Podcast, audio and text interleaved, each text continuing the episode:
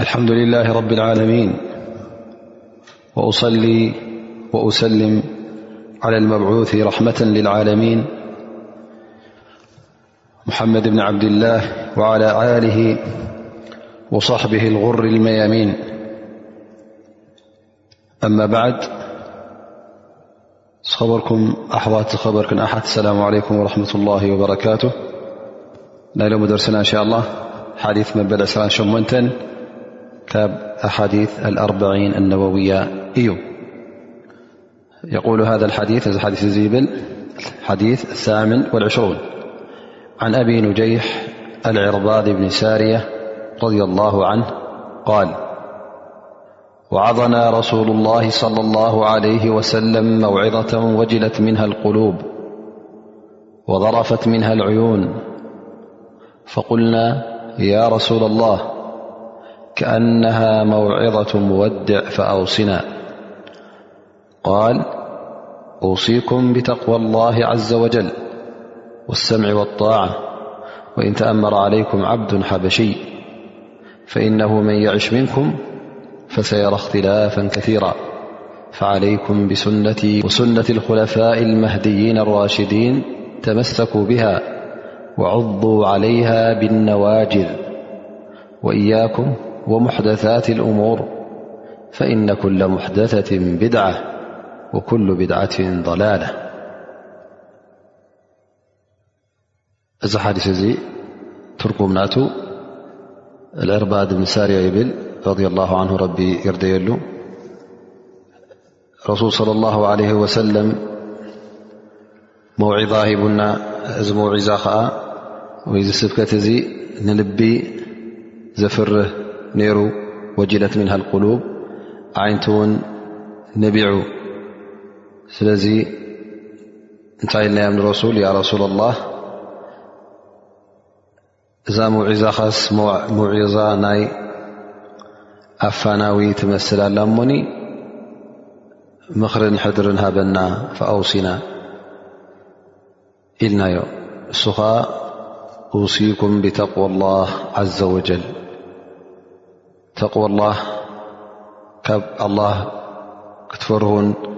ኣብ መንጎኹምን ኣብ መንጎ ቆጣዐ እውን መከላኸለ ንክትገብሩ እመኽረኩም ስምዑን ተማእዘዙን ወላ እውን ሓደ ሓበሻ ባርያ እውን ይምራሕኩም ነዊሕ ዝነብር እኮ ብዙሕ ክርእዩ ብዙሕ ፍልልያት ክርእዩ ስለዚ ሱና ናተይ መገዲ ናተይ ቀጣቢልኩም ሓዙ ከምኡ ውን መገዲ ቶም ኹለፋ ራሽዲን ልማህድይን ዝበሃሉ ማለት ቶም ድሕሪ ነቢና ሓመድ ለ ላ ለ ሰለ ንሰላ ዓመት ሰይድና ኣብበከር ዑመር ዑስማን ዓሊ ኣከታትሎም ዝመፁ ኹለፋ እዚኦም ናቶም ሱና ናቶም መገዲ ሒዝኩም ኪዱ ቀጣቢልኩም ድኣ ሓዝዎ ኢኹም በስናንኩም ውን ንኸሱ ካብ ሓድሽ ነገራት ከኣ ተጠንቀቑ ካብ ሓድሽ ሕደሳታት ኣብ ዲን ዝኣት ማለት እዩ ተጠንቀቑ ምኽንያቱ ዝኾነ ሓድሽ ነገር ኣብ ዲን ሕደሳ ንክትገብር ቢድዓ እዩ ዝኾነ ቢድዓ ኩሉ ቢድዓ ከዓ ጥፍኣት እዩ ኢሎም ነቢ ለ ላ ለ ወሰለም እዚ ሕፅር ዝበለ ትርጉም ክኸውን ከሎ እንሻ ላ ኣብቲ ነዊሕ ትንተና ክንኣቱ ቀዳማይ ነገር እዚ ሓዲስ እዚ ክረአ እንከሎ ዓብ ሓዲስ ዓብ ምኽሪ ዝሓዘ እዩ ኣኑ ኣነቢ ስለ ላ ለ ሰለም ነቶም ሰሓባ ብተቕወላ መኺሮሞም ተቕዋ ንክገብሩ መኺሮሞም ፍርሃት ረቢ ንክህልዎም እዚ ብድሕሪ ምሕታት እቶም ሰሓባ ዝመፀ መልሲ ስለ ዝኾነ እሞ ያ ረሱላ ላ ተዋሰየና ሕድሪ ሃበና ለበዋ ሃበና ኢሎም ምስ ሓተቱ እነቢ ስ ሰለ ውን በዚ ተላብዮም ማለት እዩ እሱ ከዓ ተቐንዲ ነገር ኩሉ ግዜ ካብ ኣላ ስብሓን ወተላ ፍርህን ንኣላ ስብሓ ወላ ዝኣዘዙ ምእዛዝን ክርከብ ኣለዎ ድሕሪኡ ከዓ ጣዓት ውላት ልእሙር ነቶም መራሕቲ እስልምና እውን ንኦም ክትምእዘዝ ሓደ ኢድ ክትከውን መገዲ ሱና ሒዝካ ክትከይድ ካብ ሕደሳታት ዘበለ ኣብ ዲን እውን ንኸይትእቱ ካብኡ ንኸትጥንቀቕ እዚ ሓዲስ እዚ ስለ ዝጠቅስ ኣገዳሲ ዝኾነ ሓዲስ እዩ ምኽንያቱ ብዚ ምኽሪ ዚ እንተ ቀጢልካ ከትካ ከም ውልቀ ሰብ ይኹን ከም ማሕበረሰብ ከም ዓዲ ከም እማ ኩሉስ ተዓዊትካ ማለት እዩ እተ በዚ ምክሪ እዚ ናይ ነቢ ሙሓመድ ስ ሰለም ምክሪ እተ ቀጢልካ ከይልካ ኣብ ኣዱንያኻን ኣብ ኣራኻን ዓወት ረኪብካ ማለት እዩ እዚ ምክሪ እዚ እውን እዚ መውዒዛ ምሃብ ከዓ ናይቶም ዑለማ ናይቶም ዳዕዋ ዘካይዱ ሰባት ሞያ እዩ እሞ ከዓ ኩሉ ግዜ ነቲ ህዝቢ ክመክርዎ ኣለዎም ነሲሓ ክህብዎ ኣለዎም መዘኻኸሪ ክህቡ ኣለዎም ንሰብ እውን ልቦም ንኸተርክሱ ክፍትኑ ኣለዎም ማለት እዩ ምክንያቱ እዚ ምትርካስ ልቢ እዚ መውዒዛ እዚ ኣድላይ እዩ ምክንያቱ ኣላ ስብሓን ወተላ ሰብ በዓል ሰናይ ሰናይ ክፈዲኹ ምኳኑ በዓል እከይ ድማ ክቐፃዕ ከም ምኳኑ በዘ ሰብ ክተዘኻኸር ከለኻ ልቡ ተተርክሶ ናብ ኢማን እውን ትመልሶ ማለት እዩ እዚ ዋዓዝ እዚ እውን ኣብ ቁርን ተዳርእና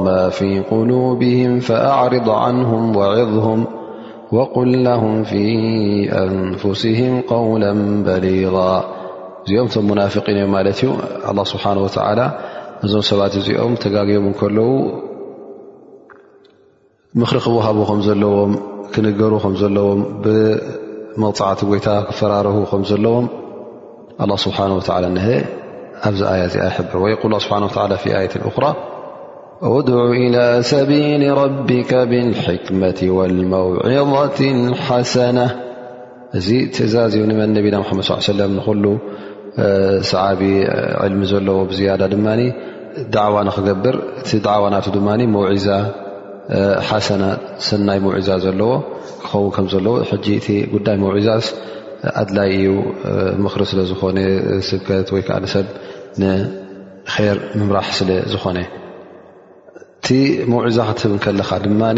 ሱቅ ኢልካ ኣይኮነን እንታይ ኣ ክትመርፅ ኣለካ ማለት እዩ እ ትዛረቦ ነጥቢ ትዛረቦ ጉዳይ ሰብ ዘድሊ ክኸውን ኣለዎ እቲ ህብረተሰብ እታይ ከም ምኑ እታይ ጎዲልዎ ኣሎ ፈሊጥካ ነቲ ጉድለት ዘሎ ከተመላኣሉ ኣለካ እተ ግን ዘይትፈልጦ ህብረተሰብ ተ ኮንካ ወይ ከዓ ኣብ ክንዲ ኣብቲ ጉድለታት ዘሎ ክዕረ ከም ዘለዎ ትዛረብ ካልእ ዘየእትዎ ነገር ምስ ህብረተሰብ ተደላይነት ዘይብሉ ወይ ከዓ ኣንፃሩ ዝኾነ ኣብ ሃብታም ህብረተሰብ እተ ትዛረብ ኣለኻ ብዛዕባ ናይ ሰደቃን ዘካትን ክትዛረብ ቅቡል እዩ ላኪን ድኻታት እንተ ኮይኖም ድማ ዘለዎም ዘይብሎም ዘካት ኣውፅኡ ዘካት እኮ ከምዚ እዩ ከምዚ ኢልካ ክትዛረብ ኣብ ኢዶም ሓንቲ ዘይብለዉ ከለዉ እንታይ ክብሉካ እዚኦም ሕራ ንርእስና ዘይረኸብናስ ሕጅስ ብዛዕባ ዘካ ትዛርብና ንሕና ንቕበል ድኣ እምበር ንህብ ኣይኮናን ኢሎም እውን እዚ ስምዒት ስለ ዘለዎም እቲ መውዒዛናካ ኣይክቕበልዎን እዮም ማለት እዩ ስለዚ እቲ ህዝብኻ እንታይ ከም ምዃኑ ፈሊጥካ እንታይ እንታይ ከም ዘድልዮ እንታይ እንታይ ጉድለት ከም ዘለዉ ርኢኻ ምርጭ መሪፅካ ኢኻ ክትዛረብ ዘለካ ዳሕራይ ትዛረብ ከለኻ ድማ ትዛረቡ ዘለኻ ቋንቋ ትዛረቡ ዘለኻ ኣወዳደቓ ቃላት ከመይ ክኸውን ኣለዎ ማለት እዩ መሪፅካ ክኸውን ኣለዎ ምእንቲ ሰብ ክርዳእ ሰብ ልቡ ንክትርክስ ሰብ እውን ትትብሎም ዘለኻ ብደንቢ ተረዲእዎም ክዓክቡ ስኩሉ ኣድላይ ስለ ዝኾነ ሕጂ እንታይ ክትገብር ኣለካ ማለት እዩ ልክ እነቢ ስ ሰለ ሕጂ ኣብዚ ሓዲት እዚ እንታይ እዩ ዝብል ዘሎ ዝሰሓቢ ዓና ረሱሉ ላ ሰለ መውዒዘተ በሊغ ምን ኣልበላغ ወየቁል ስብሓ ወቁል ለሁም ቀውለ በሊغ እዘ እቲ ዘረባስ ፅሩይ ዘረባ ክኸውን ኣለዎ ፅፉፍ ዘረባ ክኸውን ኣለዎ ሰሓቢ ዘረባ ክኸውን ኣለዎ ማለት እዩ ስለዚ እቲ ክተብፅሖ ከለካ ነቲ መልእኽትስ ብፅፉፍ ኣበፃፅሓ ጌርካ ብፅሩይ ቋንቋ ጌርካ ዘመስጥ ዘረባ ጌርካ ክትዛረብ ከለካ እቲ ዝሰምዕ ደስ ይብሎ ማለት እዩ ንክሰምዕ እውን ምሳካ ንክቅፅል ከዓ የተባብዖ ከምኡ እውን እቲ መውዒዛ ግዜ ክምረፀሉ ኣለዎ ሙናስብ ዝኮነ ንኩሉ ዝኸውን ማለት እቲ ግዜስ ሓድሓደ ግዜ ግዜ ስራሕ ክኸውን ከሎ ሰብ ናብ ስርሑ ሽግርገር እናበለ ከሎ ኣብዚ ሰዓት እዚ ሙዑዛ ክትብ ከለካ ምናልባሽ ብዙሕ ሰብ ኣይሰምዓካን ልቡ ፍርቁ ምሳኻ ፍርቁ ድማ ኣብ ደገ ስለ ዝኾነ ሕጂ እቲ ሰብ ኣብቲ ግዜ ህድኣትን ኣብቲ ግዜ ርግኣትን ብዙሕ ስራሓ ዘይብሉ እዋን ግዜ ዕረፍቲ ኣብኡታት ክትመርፅ ከለኻ ፅቡቅ ይኸውን ማለት እዩ ነቢ ስ ሰለም እዛ ሙዑዛ ክዋ ከሎ ሕጂ እንታይ መዓስ እያ ብ ድሕሪ ፈጅሪ እያ ነራ እቲ ግዜ ናይ ነቢና ሓመድ ሰለም ተዛሪእና ከዓ ሰብ ብእዋኑ ደቂሱ ፅቡቕ ብምሉእ ለይቲ ደቂሱ ፈጅሪ ብእዋኑ ተሲኡ ፍሬሽ እዩ ዝትስእ ማለት እዩ ሕጂ ድሕሪ ፈጅሪ ድቃስ ዝበሃል ኣይነበረን ድቃስ ዝበሃል የለን ትኽስክስ የለን ኩሉ ንምንታይ እዩ ዝዳሎ ላስ ሓድሽ መዓልቲ ንስራሕ ስለ ዝዳሎ ሕጂ ድሕሪ ፈጅሪ ፅቡቕ ግዜ እዩ ነይሩ ማለት እዩ ሰብ ኣዕሪፉ ካብ ድኻሙ ካብ ኩሉ ፈነቢ ስ ሰለም ኣብዚ ሰዓት እዚ ሂብዎም ማለት እዩ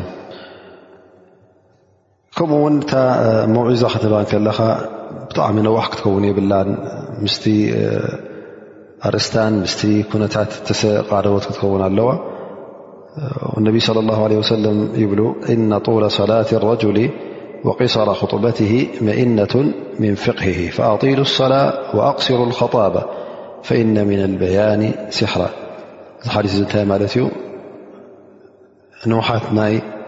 ሰላት ሕፅረት ናይ ኹጥባ መደረ እዚ እንታይ እዩ ዝርእካ ይብሉ ነቢ ስ ሰለም ፍቕህን ፍልጠትን ናይቲ ሰብ እዩ ዝርእካ ስለዚ ሰላት ክሰግዱ ከለኹም ተንዋሕኩሞ ኹጥባ ክትብ ከለኹም እታ ኹጥባ ተሕፀርኩማ እዚ እዩ ፅቡቕ ምክንያቱ ሕፅር ዝበለ ተዛሪብካ ብሩህ ዘረባ ተዛሪብካ ፅፉፍ ዘረባ ተዛሪብካ እዚ ሕጂ ሰብ እኹል እዩ ስለዚ እንተ ነዊሑ እቲ ቀዳማይ ትርስዖ በቲ ካልኣይ ትድምስሶ ስለ ዝኾንካ ስለዚ እታ ኹጥባ ወይ ከዓ እታ መውዒዛ ክትባ ከለካ ስትሮቦ ነዋሕ ክትከውን የብላ ትሮቦ ድማ ሓፃር ክትከውን የብላ ግን እንታይ ክትከውን ኣለዋ ማእከለይቲ ኮይና ምስቲ ክትብና ምስ ርእስታን ምስ ኩነታትን ምስቶም ሰማዕትን ትሳነ ክትከውን ኣለዋ ማለት እዩ እዚ ሙዒዛ ዝህብ ሰብ እውን እቲ ናቱ ሙዒዛ እቲ ናቱ ምኽሪ እቲ ናቱ ስብከት ቅቡል ንክኸውን ብዙሕ ነገራት ከማልእ ኣለዎ ስቕኢልካ ኣይኮነን ያ ዝኾነ ሰብ ሙዒዛ ሂቡ ዘረብኡ ኣብ ልቢ ሰብ ዘይበፅሕ ሰብ ኣሎ ወላ እውን ዕልሚ ይወሃብ ወላ እውን ፍልጠት ይወሃብ ላኪን እዚ ነገር እዚ ተውህቦ ናይ ጎይታ እዩ ናይ ኣላ ስብሓን ወተላ ሰባት ኣለዉ ኣ ስብሓ ወላ እቲ ናቶም ንያርኡ እቲ ናቶም እክላስ ሪኡ እውን ተቐባልነት ከም ዝረኽቡ ይገብሮም ማለት እዩ ዝኾነ ኮይኑ እቲ ከማልኦ ዘለዎ ዚ ዳዕዋ ዝገብር ሰብ መዒዛ ዝህብ ሰብ ትዛረቦ ዘሎ ዘረባስ ብኡ ዝኣመን ክኸውን ኣለዎ ምክንያቱ እንተ እስኻ ካብ እምነት ትበጊስካ ትዛረብ ኣለካ ኮይንካ እቲ ዘረባኻ ውን ኣብ ልቢ ክበፅሕ ይኽእል ማለት እዩ ልካ ከምቲ ኣናይሓት ተክላ ለይሰት ከናይሓት ሙስታእጀራ ዝበሃል ማለት ውላዳ ስኢናን ቤተሰባ ስኢናን እትበክል እተእውን ከምታ ተኻሪኻ ደምፃዓ ንኸተእውየልካን ኩሉ ሓደ ኣይኮነን ስለዚ እቲ ኣውያት ውን ዝሞታ ሰብ ክተእውን ከላ ንታት ብገንዘብ እተእውን በበይኑ እዩ ኢሎም ስለዚ እቲ ጉዳይ ካብ ልብኻ ተበጊስካ ክትብሎም ከለኻ ኣብ ልቢ ይወቅዕ ማለት እዩ ስለዚ ኣብዚ ሓሊት እውን ርኢና ወጅለት ምንሃል ቁሉብ ኢሎም እዞም ኣስሓብ ነቢ ስ ሰለም ማለት ልብታትና ኩላ ፈጥፍጥ ኢላ ፈሪሃ ወዘረፈት ምንሃል ዕዩድ ዓንትና እውን ጥረብረብ ኢላ ነቢ ዓይሎም እዘን እንታይ ማለት እዩ እቲ ነቢ ስ ሰለም ዘውፅኡ ዝነበሩ ቃላት ኩሉ ካብ ልቢ ዝነቐለዩ ነይሩ ብኡ ዝኣመኑ ከምኡ ውን እዚ ዝዛረብ ዘሎ ልቢ ኩሉ ግዜ ፅሩይ ልቢ ፃዕዳ ልቢ ክኸውን ከሎ እዚ ከዓ ተቐባልነት ንክረክብ ዕድል ይህቦ ማለት እዩ ከምኡ ውን እዚ ዝዛረብ ዘሎ ኣብነት ክኸውን ኣለዎ ፅኑዕን ፅሩይን ቕኑዕን ኣብነት ክኸውን ኣለዎ ምክንያቱ እንተ ንሱ ነቲ ዝብሎ ዘሎ ዘይተግብር እተ ኮይኑ ሰብ ኣይክቕበሎን እዩ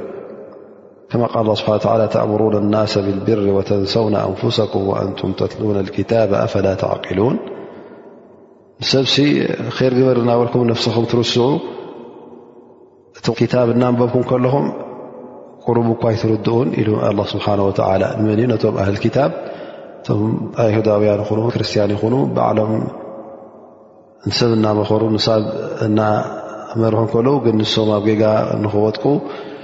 ስከፉ ይነበሩ ስለዚ ኣላ ስብሓን ወተላ ብዛ ኣያ እዚኣ ገይሩ ገሲፅዎም ማለት እዩ ወየል ላ ስብሓን ወላ ብ ሸጣን ረጂም ያ ኣዩሃ ለذና ኣመኑ ሊማ ተقሉነ ማ ላ ተፍዓሉን ከቡረ መቕተን ንዳ ላ ኣን ተقሉ ማ ላ ተፍዓሉን እንቱም መእመናን ኣንቱም ብኣላ ዝኣመንኩም ስለምንታይ ኢኹም ዘይትገብርዎ ትብሉ እዚ ከዓ ቅድሚ ጎይታ ፅሉእ ዝኾነ ነገር እስኻ ዘይትገብሮ ነገራት ክትብል ከለኻ ክገብሮ እየ ክትብል ከለኻ ዘይትገብሮ ብቃልካ ጥራይ ክኸውን ከሎ ኣብ ግብሪ ዘይተተግብሮ እተ ኮይንካ እዚ እቲ ኣላ ስብሓን ወተላ ዝፀልዑ እዩ ኣብዚ ሓዲስ እዚኣ ኣስሓብ ነቢ እቲ ምኽሪ ናይ ነቢና ሙሓመድ ለ ላ ለ ሰለም ከመይ ገይሮም ገሊፆሞ ከኣነ መውዒዘቶ መወዲዕ ኢሎም ማለት እዛ ምኽሪ ካስያ ረሱላ ላ ናይ ዘፋኑ ዘሎ ሰብ ትመስል ስለዚ እንተ ዘፋኑ ኮይኑ መውዒዘት መወድዕ ማና ከምዚ ሓደ ሰብ ንክመውት ወይ ከዓ ገያሻይ ድሕሪ ሕጂ ዘይትሪዮ ክላብወካ እንከሎ ኣፅንዑ ዝላብወካ ሕጂ እዛ ልቦዋናትካስ ብጣዕሚ ፅንዕቲ ያ ረሱሉ ላ እሞኒ ከኣነሃ መውዒዘቶ መወድዕ ኢሎም ነቢ ስለ ላ ለ ሰለም እውን ከምዚ ገይሮም ኣብ ሓጭ ከምቲ ዝጠቐስዎ ላዓሊላ ኣልቃኩም ባዕዳ ዓሚ ሃ ምናልባሽ ድሕርዚ ዓመት እዚኣ ኣይንራኸብ እንኸውን ኣይንረኣየ እንኸውን ኢሎም እነቢ ስ ሰለም እቲ ዳዕዋናቶም ኣቕሪቦሞ ማለት እዩ ስለዚ እንተ ሓደ ሰብ ምናልባሽ ብድሕሪ ሕጂ ዘይረኽበካ እተ ዝመስሎ ኮይኑ ኩሉ ክነግረካ እዩ ዝደሊ ኣትሪሩ እዩ ድማ ዝነግረካ ማለት እዩ ስለዚ እቲ መውዒዛ ናይ መወድዕ ክኸውን ከሎ ሓያሊ ዝኸውን ማለት እዩ ኩሉ ከም ማለ እውን ይደሊ ኣብዚ ሓዲስ እዚ እውን እንታይ ንርኢ ብልፀት ናይቶም ቀዳሞት እቶም ኣስሓብ ነቢ ብፅት ነቢና ሓመድ ስ ሰለም ክሳዕ ክንደይ ፅሩይ ልቢ ነይርዎም ክሳዕ ክንደይ ፅሩይን ንፁህን ንፍስታት ነይርዎም ቃል ነቢ ሓመድ ሰለም ክሰምዑ ከለዉ ክሳዕ ክንደይ ምዝ ዝረባእዚ እቲ ልቦም ይገላበጥ ነይሩ ኣዒንቶም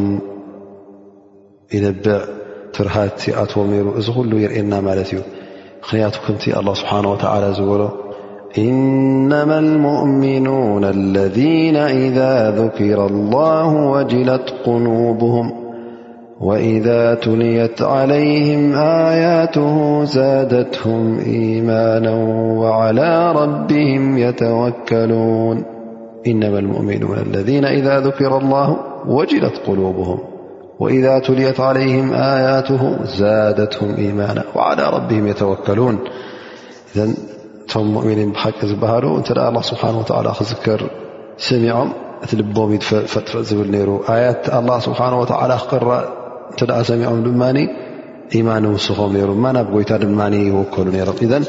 እዞም ኣስሓብ ነቢ እትሪእዎም ዘለኹም ክሳዕ ክንዲ ዝብስ ናይ ነቢና ሓመድ ለ ላ ሰለም ምኽርታት ትልቦም ብፍርሂ ጥራይ ዓይነቶም ብንብዓት ጥራይ ይምላእ ነይሩ ማለት እዩ ስለዚ እዞም ከም ዝኣመሰሉስ ዓብ ብልፀት ነይርዎም ኢማኖም ዓብዪ ነይሩ ስለዚ ነዚኦም ክንፈትዎም እዩ ዝግበኣና መገዲ ናቶም ክንስዕብ ፅቡቕ ክንዝክሮም እምበር ብሕማቕ ክንዝክሮም እውን የብልናን ማለት እዩ ምክንያቱ እዚኦም እቶም ምሩፃት ዝኾኑ ኣስሓብ ነቢ ብፆት ነቢና ሙሓመድ ስ ሰለም ዝኾኑ እቶም መንገዱ ሒዞም ዝኸዱ ዝነበሩ ንነቢና ሓመድ ስ ሰለም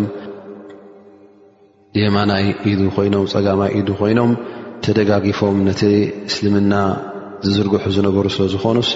ክንፈትዎም እዩ ዘለና ምክንያቱ ፅቡቕ ታሪክ እዮም ኣፅኒሖምልና ፅቡቕ ፅቡቕን ብሉፅን ሃይማኖት ውን ተሰኪሞም ናብቶም ድሕሪኦም ዝስዒቦም ዝመፁ እውን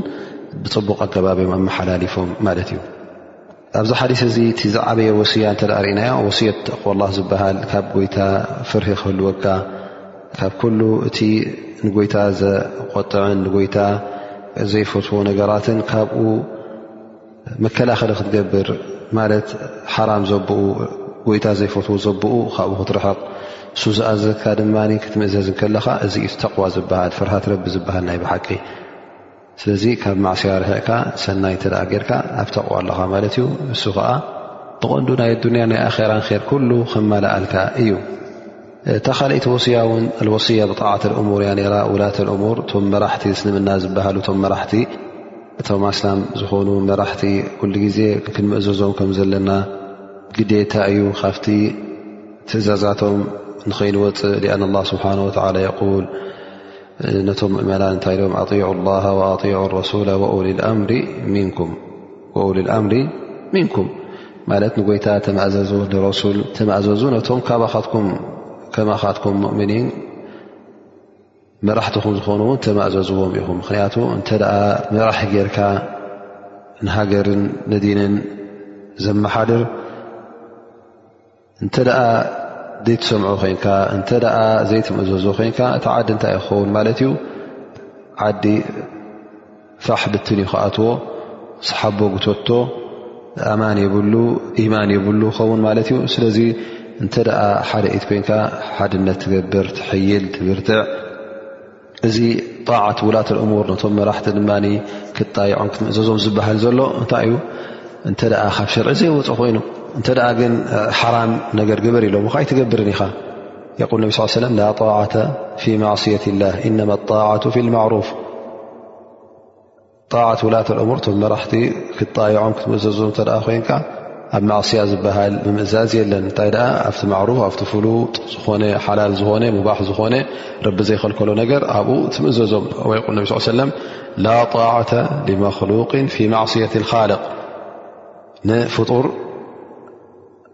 ኣይትምእዘዞን ኢኻ እንተ ንፈጣሪ ተዓስየካ ኮይና እታ ዝብላ ዘሎስ ካብ ትእዛዝ ፈጣሪ ተውፃካ እተ ኮይና ስለዚ እዛ ሓዲስ እዚኣ እንታይ እያ እቲ ምእዝዛ ናይቶም መራሕቲ ምስማዕ ትእዛዝ ናይቶም መራሕቲ ምስማዕ ንኦም ምእዛዝ ምስ ምንታይ ተኣሳሰረ ዩ ምስ ማዕሩፍ ምስ መገዲ ኣላ ተኣሳሰረ ልካ ከምቲ ኣብ ክታብን ኣብ ሱናን ዘሎ እተ እዝዙካ ኣለዉ ኮይኖም ካብኡ እተ ዘይወፁ ተማእዘዞም እንተ ረቢ ዘይፈትዎ ምስ ክታብ ረቢ ዝገራጮ ምስ ቃል ነቢ ሙሓመድ ስ ሰለም ዝገራጮ ንኡ ንክትገብር እተ ኣዚሞካ ግን ኣይትፍፅሙን ኣ ምክንያቱ ቀዳምነት ድንካ ስለ ዝኾነ ጠብዓ ኣብዚ ሓዲስ እዚ እውን ካብቲ ተጠቕሰ እንተዳርእና ኣብዛ እማ እዚኣ ብዙሕ ፍልልያት ክርከብ ከም ምዃኑ ነቢ ስ ሰለም ይብሉ ብዙሕ ዝነብር ወይከዓ ነዊሕ ዝነብር ካብኹም ብዙሕ ነገራት ክርእዩ ብዙሕ ፍልልያት ክርእዩ ኢሎም እሞ ኣብዚ ጉዳይ እዚ እንታይ እዩ ዘድሊ እነቢ ስ ሰለም ሓቢሮም ማለት እዩ እንተ ደኣ ፍልልያት በዚሑ ሰብ ንናቱ ክዛረብ ኣብ ዲን ኣልእስላም ባዕሉ ብኢደወንንኡ ዘይናቱ ክቕትወሉ እንተደኣ ጀሚሩ ሰብ ክሰሃብ እተ ጀሚሩ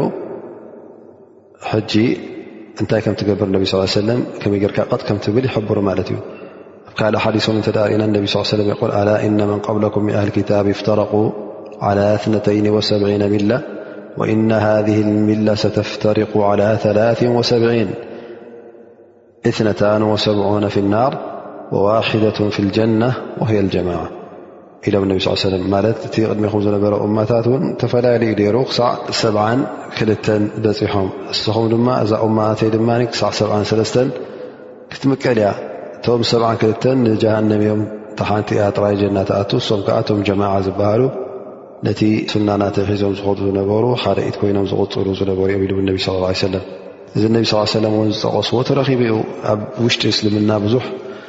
ፍልልያት ተረኺቡ ብዙሕ ምስሕሓብ ተረኺቡ ብሽዓ ዝበሃሉ ኢማምያ ራፊዳ ዝበሃሉ ከምዚ ዓይነት ቀደርያ ዝበሃሉ ብዙሕ ኣስማት ዘዝሓዙ ነናቶም ካብቲ ቅኑዕ መገዲ ናይ ሱና ወፂኦም ናቶም ሕደሳ እናገበሩ ካብ መገዲ ዝወፁ ውሑዳት ኣይነበሩን ስለዚ እዚ ክርከብ ከም ምኳኑ ነቢ ስ ሰለም ጠቒሶም ነይሮም ላን እንታይ ኸ ኣትፈውስ እውን ጠቒሶምና ማለት እዮም ካብዚ ፍልልያት እዚ ካብዚ ጥፍኣት እዚ ዘውፅኣና እንታይ እዩ በቲ ክታብ ጎይታና ቀጢልና ክንከይድ ከለና ሱና ነቢና ሙሓመድ ስ ሰለም ሒዝና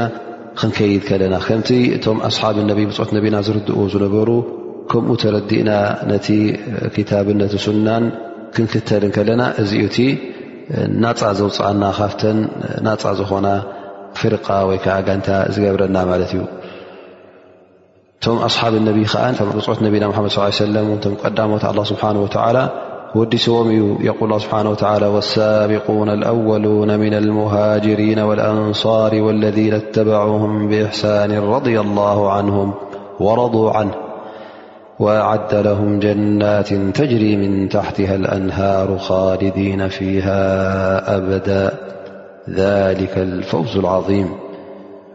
እቶም ቀዳሞት እቶም ሙሃጅሪን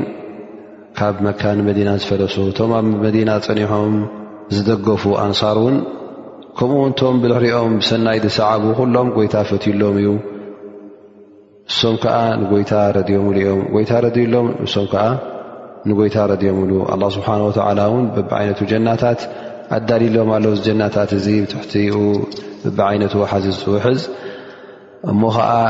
ንመዋእሉ ንዘለኣለም ዝነብርሉ ኣዳልሎም ኣላ ስብሓን ወላ እዚ ኸዓ እቲ ዓብ ዓወት ወነቢ ለ ላ ሰለም የል ኸይሮ እመቲ ኣልቀርኒ ኣለذና ብዒቱ ፊሁም እቶም ዝበለፁ ካብ እማይ እቶም ኣነ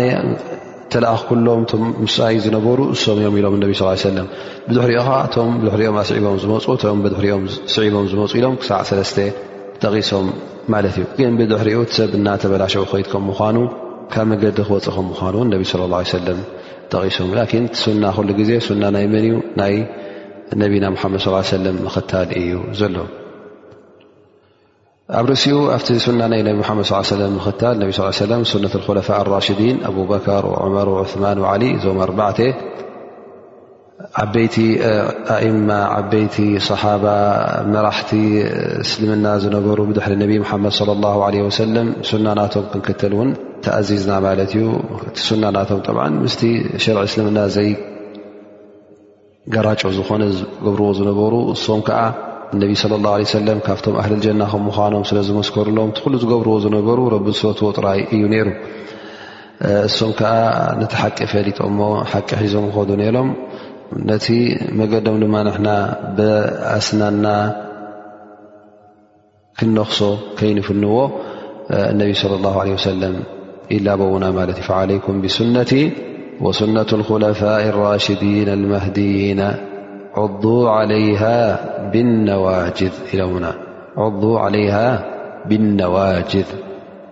በታ በላሕ ስንኹም ጌርኩም ብኣይ ጌርኩም ቀጥ ኣቢልኩም ደኣ ብስናንኩም ንኸስዎን ኢኹም ኢሎምና ነቢ ለ ላ ለ ወሰለም ነዚ ቀጥ ኣቢልና ክንሕዝ እናኣዘዙና በቲ ካልእ ሸነኽ ድማ ካብ ምንታይ ጠንቂቖምና ማለት እዩ ካብ ቢድዓ ዝበሃል ወእያኩም ሙሕደታት እሙር ፈኢነ ኩለ ሙሕደት ብድዓ ፈኢነ ኩሎም ሕደተት እዮም ቢድዓ ኩሎ ቢድዓትን ላላ ስለዚ ነቢ ስ ሰለም ካብ ሕደሳ ኣብ ዲን ዘይናቱ ምእታው እዚ ዲን ኢልካ ክትኣምነሉ ኣብ ዲን ዘየለ ባዕልኻ ዘምፀኻ ነገር ኣጅር ኣለዎ ክትብል ኣጅሪ ዘይብሉ ኣ ስብሓ ኣጅር ኣለዎ ዘይበለካ እዚ ካብ መንገዲ ምውፃእ ስለ ዝኾነ ነቢ ስለ ላ ለ ወሰለም ይጥንቅቑን ኣለዉ ማለት እዩ እዚ ነቲ ዲን ዘበላሹ ነቲ ዲን ዘጥፍእ ከም ምኳኑ ነቢ ስለ ላ ሰለም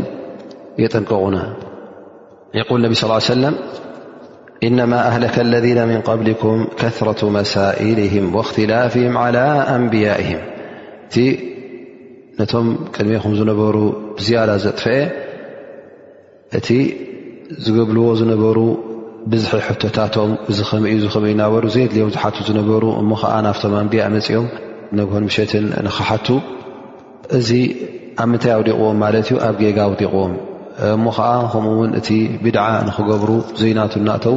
እዚ ኩሉ መጥፍኢ ነይሩ ኮይኑ ማለት እዩ እዚ ሓዲስ እዚ ከይደምደምናዮ ከለና ክንዝክሮ ፋይዳታ ዝሓዝናዮ እንታይ እዩ ኣብዚ ሓዲስ እዚ እንታይ ርኢና ማለት እዩ ኩሉ ግዜ ክትፋኑ ከለኻ ወይ ከተፋኑ ከለኻ ወስያ ክትህብ ከለኻ ፅቡቕ ይኸውን ማለት እዩ ንወስያ እውን ይፅዋዕካ ኣሎ እዚ ሓዲስ እዚ ተወሲኻ ድማ ናይ ኣዱንያን ኣኼራን ጥቕሚ ዘማልአ ክኸውን ከሎ እዚ ጥቡቕን ብሉፁን ይኸውን ማለት እዩ በዚ ሓዲስ እዚ ዝረኣናዩ ከምኡ ውን ኣብዚ ሓዲስ እዚ ካብቲ ዝወሰድናዮ ዓበይቲ ፋይዳታት ክብሪ ናይቶም ኮለፋ ራሽዲ ናይቶም ኣርባዕተ ኮለፋ ኣቡበከር ረ ላ ን ዑመር ዑስማን ወዓሊ ረድ ላ ዓንሁም ኣጅማዒን እቲ ናቶም ክብሪን ናቶም ቦታን እውን ይግልፀልና ማለት እዩ ኣብ ርእሲኡ ናካልኣሲ ኣገዳስነት